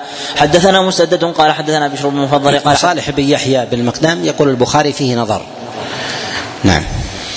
حدثنا مسدد قال حدثنا بشر بن المفضل قال حدثنا غالب القطان عن رجل عن ابي عن جدي أنهم كانوا على منهر من المناهر فلما بلغهم الإسلام جعل صاحب الماء صاحب الماء لقومه مئة من الإبل على أن يسلموا فأسلموا وقسم الإبل بينهم وبدا له أن يرتجعها منهم فأرسل ابنه إلى النبي صلى الله عليه وسلم وقال له ائت النبي صلى الله عليه وسلم فقل له إن أبي يقرئك السلام وإنه جعل لقومه مئة من الإبل على أن يسلموا فأسلموا وقسم الإبل بينهم وبدا له أن يرتجعها منهم فهو أحق بها هم فإن قال لك نعم أو لا فقل له إن أبي شيخ كبير وهو عريف الماء وان يسالك أن تج... وإنه يسألك أن تجعل لي العرافة بعده. وإنه يسألك أن تجعل لي العرافة بعده فأتاه فقال إن أبي يقرئك السلام فقال وعليك وعلى أبيك السلام. فقال إن أبي جعل لقومه مئة من. من الإبل على يسلموا فاسلموا وحسن إسلامه ثم بدا له أن يرتجع منهم فهو حق بها فقال إن بدا له أن يسلمها لهم فليسلمها وإن بدا له أن يرتجعها فهو حق بها منهم. فإن أسلموا فلهم إسلامهم وإن لم يسلموا قوتلوا أدخله على الإسلام وقال إن أبي شيخ كبير وهو عارف الماء وإنه يسألك أن تجعل لي العرافة بعده فقال إن العرافة حق ولا بد للناس من العرفاء ولكن العرفاء في النار. باب اتخاذ الكاتب. الحديث لا يصح للجهالة في إسناده. صلى الله عليكم. باب اتخاذ الكاتب. حدثنا قتيبة بن سعيد قال حدثنا بن قيس عن يزيد بن كعب عن عمرو بن عن عمرو بن مالك عن أبي الجوزاء عن ابن عباس قال السجل كاتب كان كان للنبي كان للنبي صلى الله عليه وسلم. وهذا الحديث تفرد به يزيد بن كعب وهو مجهول. الحديث منكر. نعم. باب في في السعاية على الصدقة. حدثنا محمد بن إبراهيم الأسباطي وقال حدثنا عبد الرحيم بن سليمان عن محمد بن إسحاق عن عاصم بن عمر بن قتادة عن محمود بن عن محمود بن عن محمود بن لبيد عن رافع بن خديجة قال سمعت رسول الله صلى الله عليه وسلم قال العامل على الصدقة بالحق كالغازي في سبيل الله حتى يرجع إلى بيته. حدثنا عبد الله بن محمد بن نفيل وقال حدثنا محمد بن سلمة عن محمد بن إسحاق عن يزيد بن أبي حبيب عن أبي عن عبد الرحمن بن شماسة عن عقبة بن عامر قال سمعت رسول الله صلى الله عليه وسلم قال لا يدخل الجنة صاحب مكس. حدثنا محمد بن عبد الله القطان عن ابن مغراء عن عن ابن اسحاق عن ابن إسحاق قال الذي يعشر الناس أو يعشر الناس يعني صاحب صاحب المكس. باب والمكس هي شبيهة بالاموال التي تؤخذ ضرائب على السلع من غير مؤونة. فتؤخذ على السلع شبيهة بالجمارك اليوم. فإذا أخذت بحق كان يأخذ مثلا إما لحمايتها أو لحراستها أو لكونها في تكون في مستودعات مستودعات ونحو ذلك فذلك جائز. أما أن تؤخذ على كل مار ولا يقدم لها شيء فهذا هذا هو المكس نعم. باب في الخليفة يستخلف. حدثنا محمد بن داود بن سفيان وسلمة قال حدثنا عبد الرزاق قال أخبرنا معمر عن الزهري عن سالم عن ابن عمر قال قال عمر إني إني ان لا أستخلف فإن رسول الله صلى الله عليه وسلم لم يستخلف وإن أستخلف فإن أبا بكر قد استخلف. قال فوالله ما هو إلا أن ذكر رسول الله صلى الله عليه وسلم وأبا بكر فعلمت أنه لا يعدل رسول الله صلى الله عليه وسلم أحدا وإنه غير مست وأنه غير مستخلف. باب في البيعة. حدثنا حفص بن عمر قال حدثنا شعبة عن عبد الله بن دينار عن ابن عمر قال كنا نبايع النبي صلى الله عليه وسلم على السمع والطاعة ويلقن ويلقنا فيما استطعت. حدثنا أحمد بن صالح قال حدثنا ابن وهب قال حدثني مالك عن ابن شهاب عن عروة أن عائشة اخبرته عن بيعة النساء وقالت ما مس رسول الله صلى الله عليه وسلم بيد امرأة قط إلا أن يأخذ عليها فإذا أخذ عليها فأعطته قال اذهبي فقد بايعتك. حدثنا عبيد الله بن هذا وهو رسول الله صلى الله عليه وسلم معصوم. وانما نهي عن المس والخلوة والنظر لأجل ألا يفضي ذلك إلى إلى الوقوع في الفاحشة ورسول الله صلى الله عليه وسلم معصوم من ذلك. ومع ذلك امتنع النبي صلى الله عليه وسلم مصافحة النساء لعظم هذا الأمر ولكونه مشرع. ولكونه ولكونه مشرع عليه الصلاة والسلام. نعم. حدثنا عبيد الله بن عمر بن ميسرة قال حدثنا عبد الله بن يزيد قال حدثنا سعيد قال حدثنا سعيد بن أبي أيوب قال حدثني أبو عقيل زهرة بن معبد عن جده عبد الله بن هشام قال وكان قد أدرك النبي صلى الله عليه وسلم وذهبت به أمه زينب بنت حميد إلى رسول الله صلى الله عليه وسلم فقالت يا رسول الله بايعه. فقال رسول الله صلى الله عليه وسلم هو صغير. فمسح رأسه. باب في أرزاق العمال. حدثنا زيد بن أخزم أبو طالب قال حدثنا أبو عاصم عن عبد عن عبد الوارث بن سعيد عن حسين المعلم عن ولا اعلم أحدا من السلف رخص في مصافحة المرأة بحال أو فعلها لا من الصحابة ولا من التابعين.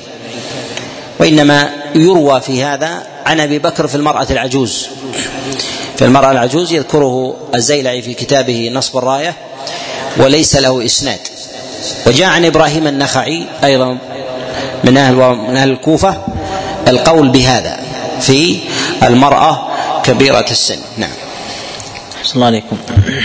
عن عبد الله بن بريدة عن أبي عن النبي صلى الله عليه وسلم قال استعملناه عن على عمل فرزقناه رزقا فما أخذ به فما أخذ بعد ذلك فهو غلول. حدثنا أبو الوليد الطيالسي وقال حدثنا ليث عن بكير بن عبد الله بن الأشج عن مسلم بن سعيد عن عن ابن الساعدي قال استعملني عمر على الصدقة فلما فرغت أمر لي بعمالة فقلت إنما عملت لله. قال خذ ما أعطيت فإني عملت على عهد رسول الله صلى الله عليه وسلم فعملني.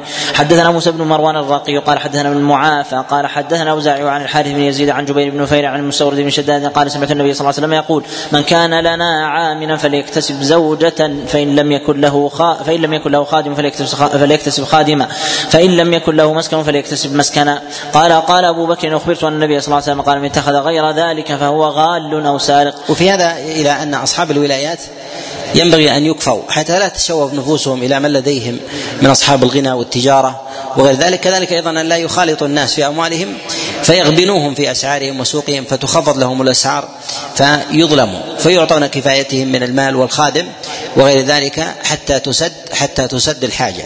فإن أخذوا زيادة عن ذلك فهو غلول فهو غلول. لا يجوز لهم أن يأخذوا غير غير ذلك من بيت المال. نعم.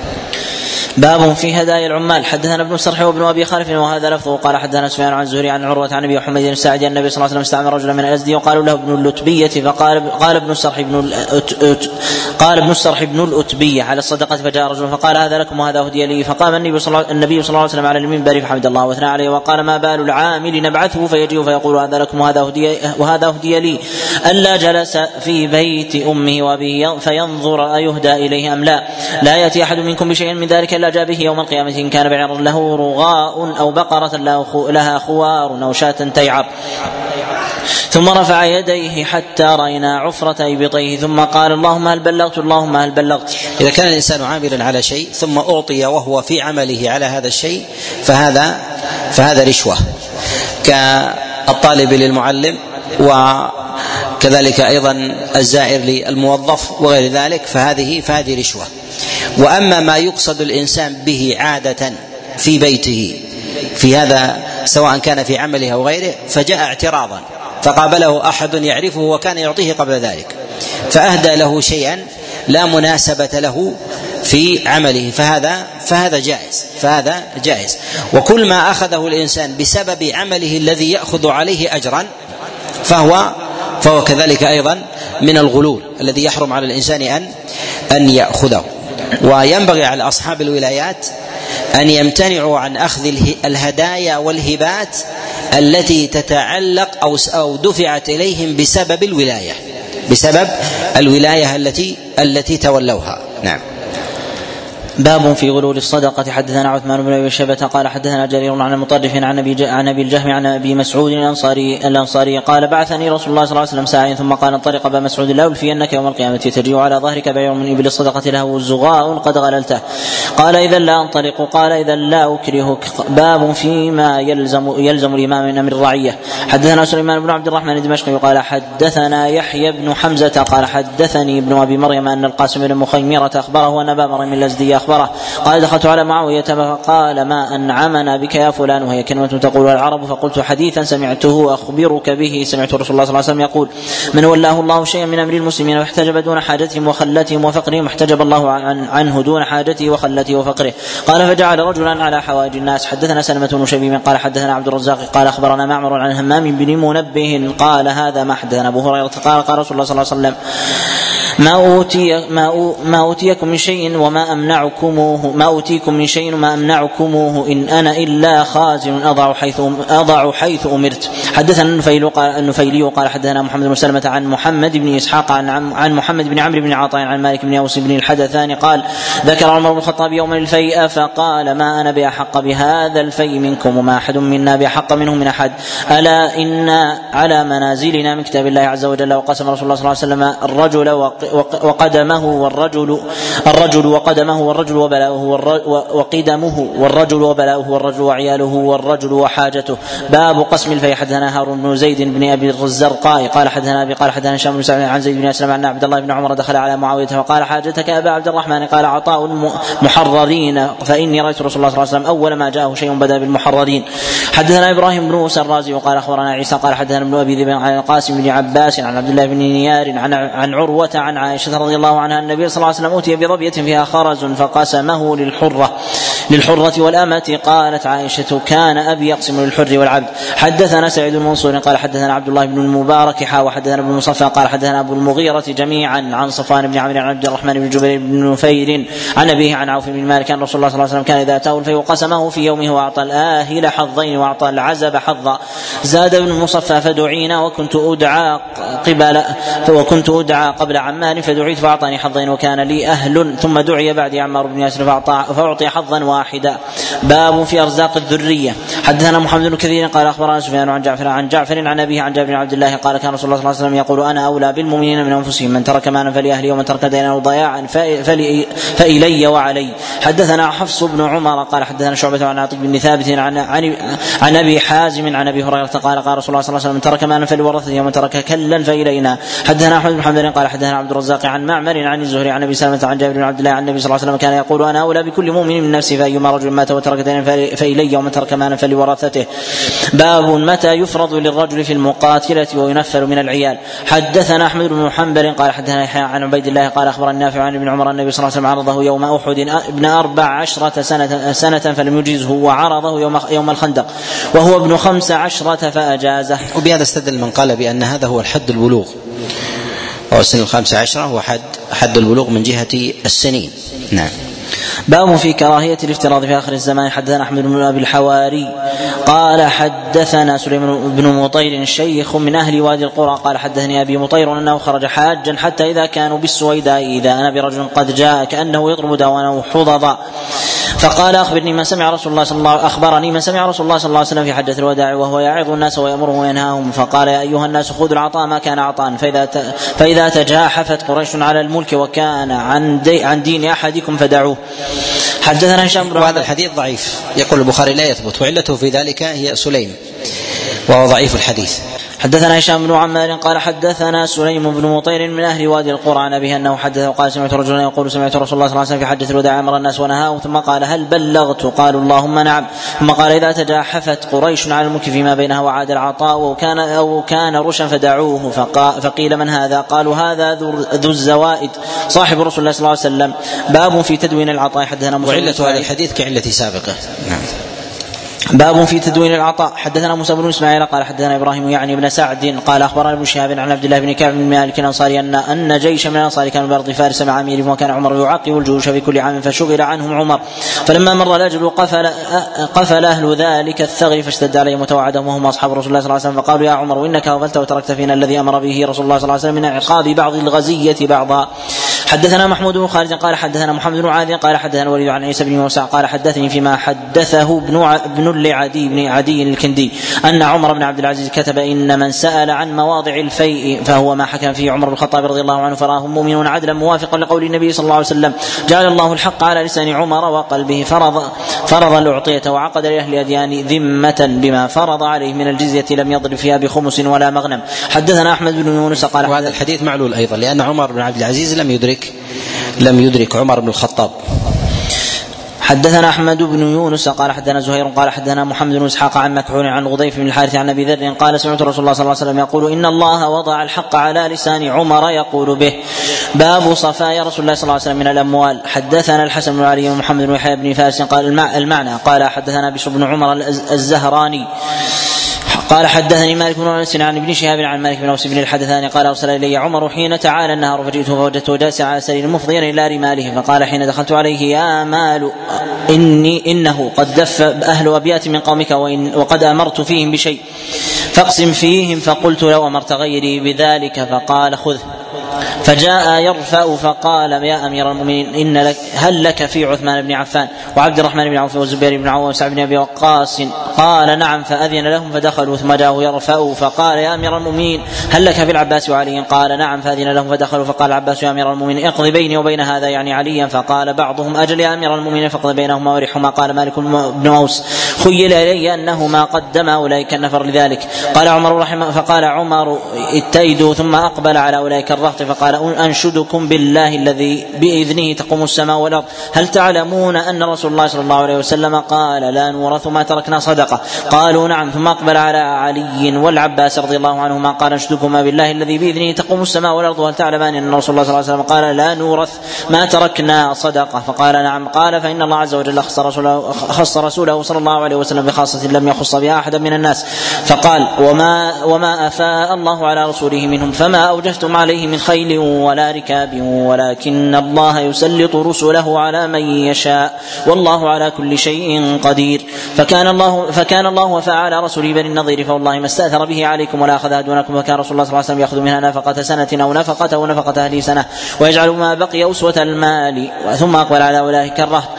قال أنشدكم بالله الذي بإذنه تقوم السماء والأرض هل تعلمون ذلك؟ قالوا نعم. ثم أقبل على العباس وعلي فقال انشدكما بالله الذي بإذنه تقوم السماء والأرض هل تعلمان ذلك؟ قال نعم. فلما توفي رسول الله صلى الله عليه وسلم قال أبو بكر أنا ولي رسول الله صلى الله عليه وسلم فجئت أنا فجئت أنت وهذا إلى أبي بكر رضي الله عنه تطلب انت ميراثك من ابن أخيك واطلب هذا ميراث ميراث امرأتي من أبيها. فقال أبو بكر قال رسول الله صلى الله عليه وسلم لا نورث ما تركنا صدقة. والله يعلم أنه صادق بار راشد تابع الحق فوليها أبو بكر. فلما توفي قلت أنا ولي رسول الله صلى الله عليه وسلم ولي أبي بكر فولي فولي فوليتها ما شاء الله أن أليها. فجئت انت وهذا وأنتما جميع أمركما واحد فسالتما فسالتمانها فقلت إن شئتما أن أدفعها إليكما على أن عليكما عهد الله أن تليها بالذي كان رسول الله صلى الله عليه وسلم يليها.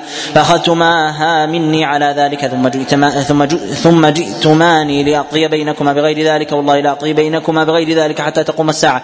فإن عجزتما عنها فرداها إلي فرداها إلي. حدثنا محمد بن عبيد قال وهذا يدل على عظمة آه، هذا الدين وعظمة هذه الرسالة أن النبي عليه الصلاة والسلام ما جاء لهذه الدنيا ليجمع المال وإنما ليبلغ الوحي. فكان إرثه إرثه الوحي. أقرب الناس إليه العلماء العلماء ورثة الأنبياء. وفي هذا دليل على أن أقرب الناس إلى رسول الله هم العلماء وهم الذين يرثونه كما أن أقرب الناس إلى الرجل من يرثه من أبنائه فكلما كان أقرب إليه نسبا فهو أحظ نصيبا من من الميراث وأكثر الناس علما وعملا أقربهم إلى رسول الله صلى الله عليه وسلم. نعم. حدثنا محمد بن عبيد قال حدثنا محمد بن ثور عن معمر عن الزهري عن مالك بن أوس بهذه القصة قال وهما يعني عليا والعباس والعباس رضي الله عنهما يختصمان فيما فاء الله على رسوله من أموال بني النضير. قال أبو داود أراد أن لا يوقع عليه اسم قسم أراد أن لا يوقع عليه عليه اسم قسم. حدثنا عثمان بن أبي شيبة وأحمد بن عبدة المعنى أن سفيان بن عيينة اخبرهم عن عمرو بن دينار, بن دينار عن الزهري عن مالك بن أوس بن الحدثان عن عمر قال كانت أموال بني النضير ما فاء الله على رسوله مما لم يوجف المسلمون عليه بخير ولا ركاب.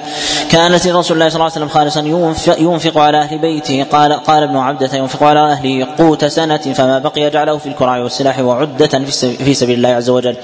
قال ابن عبدة في الكراع والسلاح. حدثنا مسدد قال حدثنا إسماعيل بن إبراهيم قال حدثنا أيوب عن الزهري قال قال عمر وما أفاء الله على رسوله منهم فما اوجفتم فما فما أوجفتم عليه من خيل ولا ركاب. قال الزهري قال عمر هذه رسول الله صلى الله عليه وسلم خاصة قرى قرى عربية. فدك وكذا وكذا مما افاء الله على رسوله من أهل القرى فلله وللرسول ولذي القربى واليتامى والمساكين ومن السبيل والفقراء الذين اخرجوا من دارهم وأموالهم الذين تبوأوا الدار والإيمان من قبلهم والذين جاءوا من بعدهم فاستوعبت هذه الآية الناس فلم يبقى أحد من المسلمين إلا له فيها حق. قال أيوب وقال حظ إلا بعض من تملكون من أرقائكم. حدثنا هشام بن عمار قال حدثنا حاتم بن إسماعيل حاو حدثنا سليمان بن داود المهري قال أخبرنا ابن وهب قال أخبرني عبد العزيز بن محمد حاو حدثنا نصر بن علي قال أخبرنا صفوان بن عيسى وهذا لفظ حديثه. كلهم عن أسامة بن زيد عن الزهري عن مالك بن اوس بن الحدثان قال كان فيما احتج به عمر أنه قال كان رسول الله صلى الله عليه وسلم ثلاث صفايا بنو النضير وخيبر وفدك فأما بنو النضير فكانت حبسا لنوائبه وما فدك فكانت حبسا لأبناء السبيل وما خيبر فجزأها رسول الله صلى الله عليه وسلم ثلاثة أجزاء جزئين بين المسلمين وجزءا نفقة لأهله. فما فضل عن نفقة أهله جعله بين فقراء المهاجرين. حدثنا زيد بن خالد بن عبد الله بن موهب الهمداني قال حدثنا الليث بن سعد قال عن عقيل بن خالد عن ابن شهاب عن عروة بن الزبير عن عائشة زوج النبي صلى الله عليه وسلم انه أنها أخبرته أن فاطمة بنت رسول الله صلى الله عليه وسلم أرسلت إلى ابي بكر الصديق تسأل ميراثا من رسول الله صلى الله عليه وسلم مما أفاء الله عليه بالمدينة وفدك. وما بقي من خموس خيبر؟ فقال أبو بكر إن رسول الله صلى الله عليه وسلم قال لا نورث ما تركنا صدقة إنما يأكل أنا وآل محمد من هذا المال. وإني والله لا أغير شيئا من صدقة رسول الله صلى الله عليه وسلم عن حالها التي كانت عليه في عهد رسول الله صلى الله عليه وسلم فلا, أعملن فيها ما بما عمل به رسول الله صلى الله عليه وسلم. وابى أبو بكر رضي الله عنه أن يدفع إلى فاطمة شيئا. حدثنا عمرو بن عثمان الحمصي قال حدثني قال حدثنا أبي قال أخبرنا شعيب بن أبي حمزة عن الزهري قال حدثني عروة بن الزبير أن عائشة زوج النبي صلى الله عليه وسلم أخبرته بهذا قال وفاطمة حينئذ تطلب صدقه رسول الله صلى الله عليه وسلم التي بالمدينة وفدك وما بقي من خمس خيبر قالت عائشة رضي الله عنها قال أبو فقال أبو بكر رسول الله صلى الله عليه وسلم قال لا نورث ما تركنا صدقة وإنما يأكل آل محمد في هذا المال يعني مال الله ليس لهم أن يزيدوا على المأكل. حدثنا حجاج بن أبي يعقوب قال حدثني يعقوب يعني وفي هذا إبراهيم. قوة أبي بكر الصديق عليه رضوان الله في امتثال الدليل. ومع حسن قصد فاطمة عليه رضوان الله والتماسها لعدم وضوح الدليل أو بلوغها عن رسول الله صلى الله عليه وسلم. إلا أنها مع منزلتها وقربها من رسول الله أقام الدليل عليها وأمضاه. ومع كونها أقرب الناس إلى رسول الله صلى الله عليه وسلم نسبا. نعم. حدثنا حجاج بن أبي يعقوب قال حدثني يعقوب يعني ابن إبراهيم بن سعد قال حدثنا أبي عن صالح عن شهاب قال أخبرني عروة أن عائشة اخبرته بهذا الحديث قال فيه فأبى ابو بكر رضي الله عنه عليها ذلك وقال لست تاركا شيئا. كان رسول الله صلى الله عليه وسلم يعمل به إلا عملت به. إني أخشى إن تركت شيئا من امره نزيق.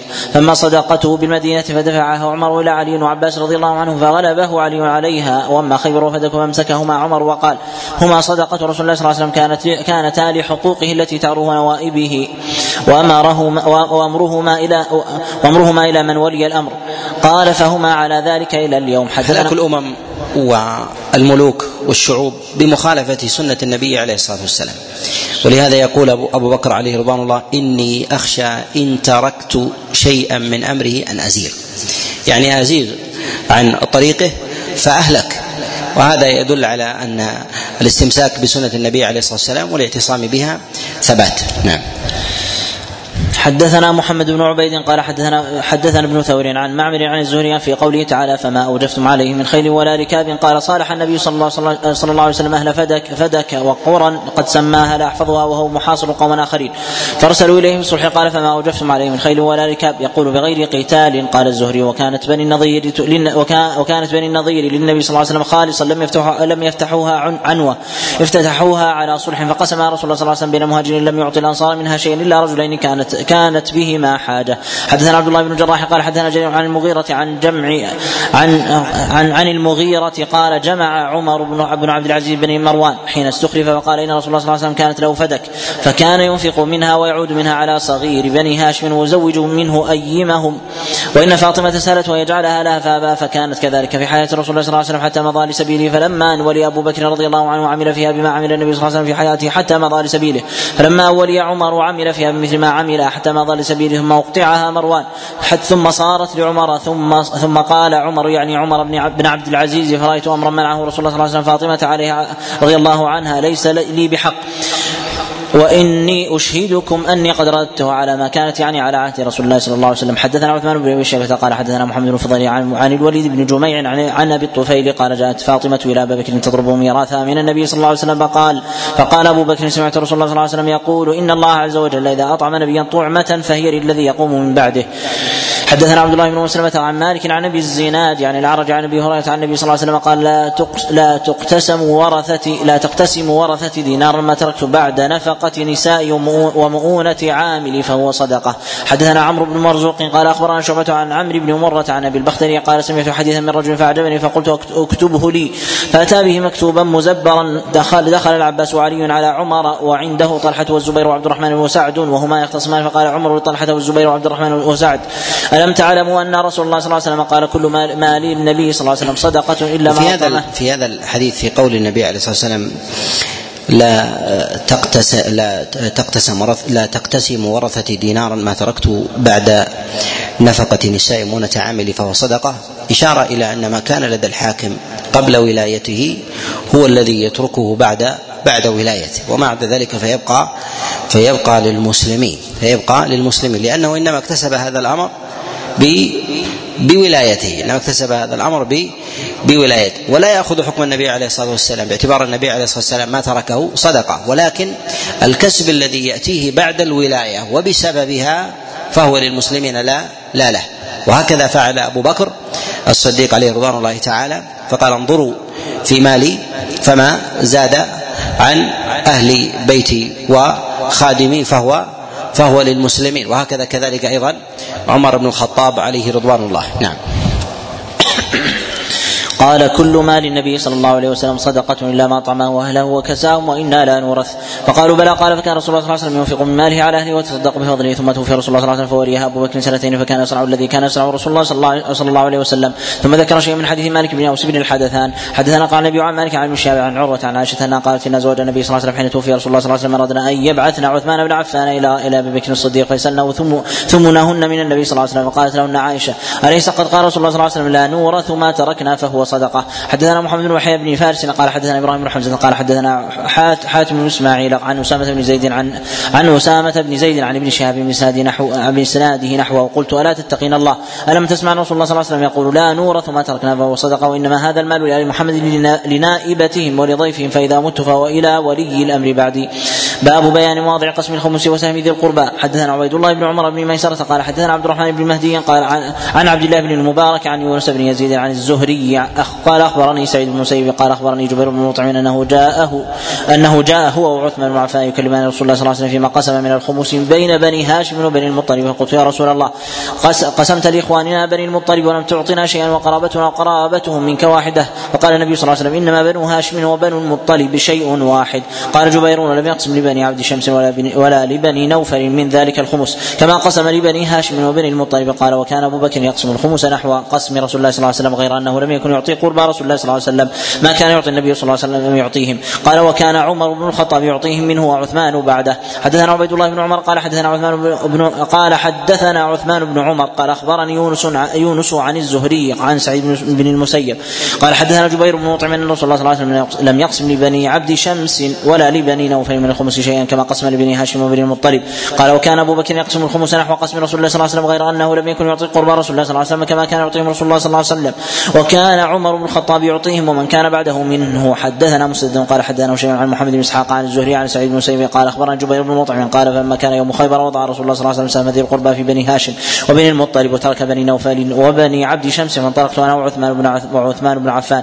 حتى أتينا رسول الله صلى الله عليه وسلم فقلنا يا رسول الله هؤلاء بنو هاشم لا ننكر فضلهم للموضع الذي وضعك الله به منهم فما بال إخواننا بني بني المطلب أعطيتهم وتركتنا. وقرابتنا واحدة وقال رسول الله صلى الله عليه وسلم إنا وابن المطلب لا نفترق في جاهلية ولا إسلام. وإن وإنما نحن وهم شيء واحد وشبك بين أصابعه.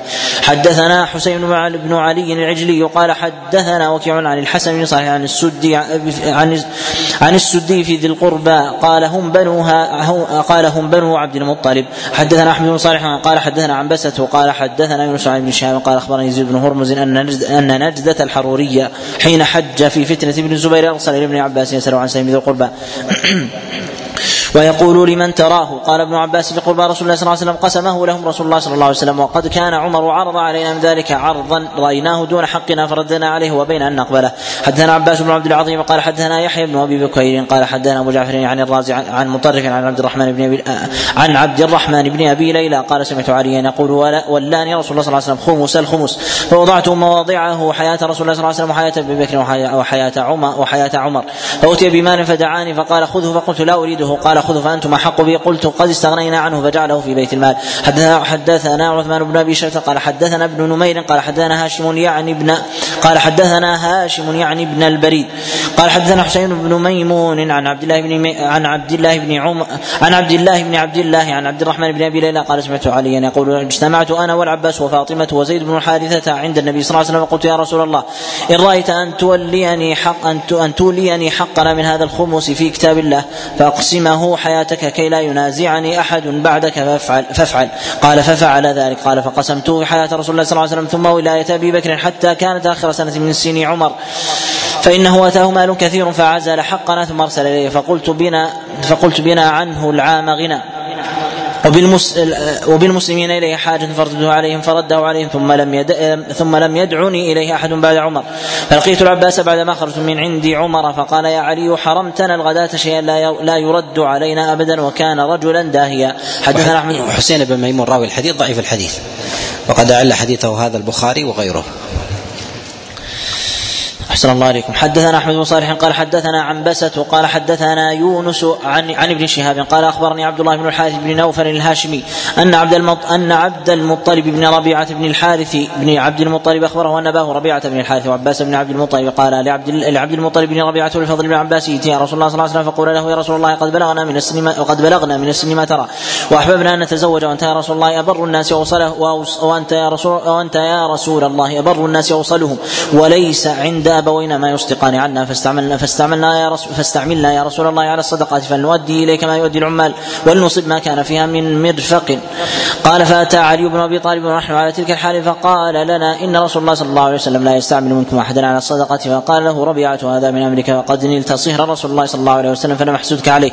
فألقى علي رداءه ثم اضطجع عليه فقال أنا أبو حسن القرن والله لا أريم حتى يرجع إليكم أبناكما بجواب ما بعثتما به إلى النبي صلى الله عليه وسلم. قال عبد المطلب فانطلقت أنا والفضل حتى نوافق صلاة الظهر قد قامت. فصلينا مع الناس ثم اسرعت أنا والفضل والفضل إلى باب حجرة رسول الله صلى الله عليه وسلم وهو يومئذ عند زينب بنت جحش فقمنا بالباب حتى أتى رسول الله صلى الله عليه وسلم فأخذ باذني وأذن الفضل ثم قال أخرج ما أخرج ما تصرران ثم دخل فأذن لي وللفضل فدخلنا فتوكلنا الكلام قليلا. ثم كلمت وكلمت الفضل قد شك في ذلك. عبد الله قال كلمه بالذي أمرنا به كلمه بالذي أمرنا به أبوانا فسكت رسول الله صلى الله عليه وسلم ساعة ورفع ورفع بصره. أو ورفع بصره بصره قبل سقف البيت حتى طال علينا أنه لا يرجع إلينا شيئا. حتى رأينا زينب تلمع من وراء الحجاب بيدها تريد أن لا تعجل وإن رسول الله صلى الله عليه وسلم في أمرنا ثم خفض ورسول الله ثم خفض رسول الله صلى الله عليه وسلم رأسه فقال لنا إن هذه الصدقة إنما هي أوساخ الناس وإنها لا تحل لمحمد صلى الله عليه وسلم ولا لآل محمد. ادعوا لي نوفل بن الحارث. فدعي له نوفل بن الحارث فقال يا نوفل أنكح عبد المطلب. فأنكحني نوفل ثم قال ادعوا لي محمية بن جزء وهو رجل من بني الله عليه وسلم قال ادعوا قال ادعوا لي محمية محمية بن جزء وهو رجل من بني زبيد. كان رسول الله صلى الله عليه وسلم استعمله على الأخماس فقال رسول الله صلى الله عليه وسلم لمحمية أنكح الفضل فأنكحه. ثم قال رسول الله صلى الله عليه وسلم قم فأصدق عنهما من الخمس كذا وكذا شيئا. لم يسمه لي عبد الله لم يسمه لي عبد الله بن الحارث. حدثنا احمد بن صالح قال نصلي وبعد الصلاة نكمل إن شاء الله.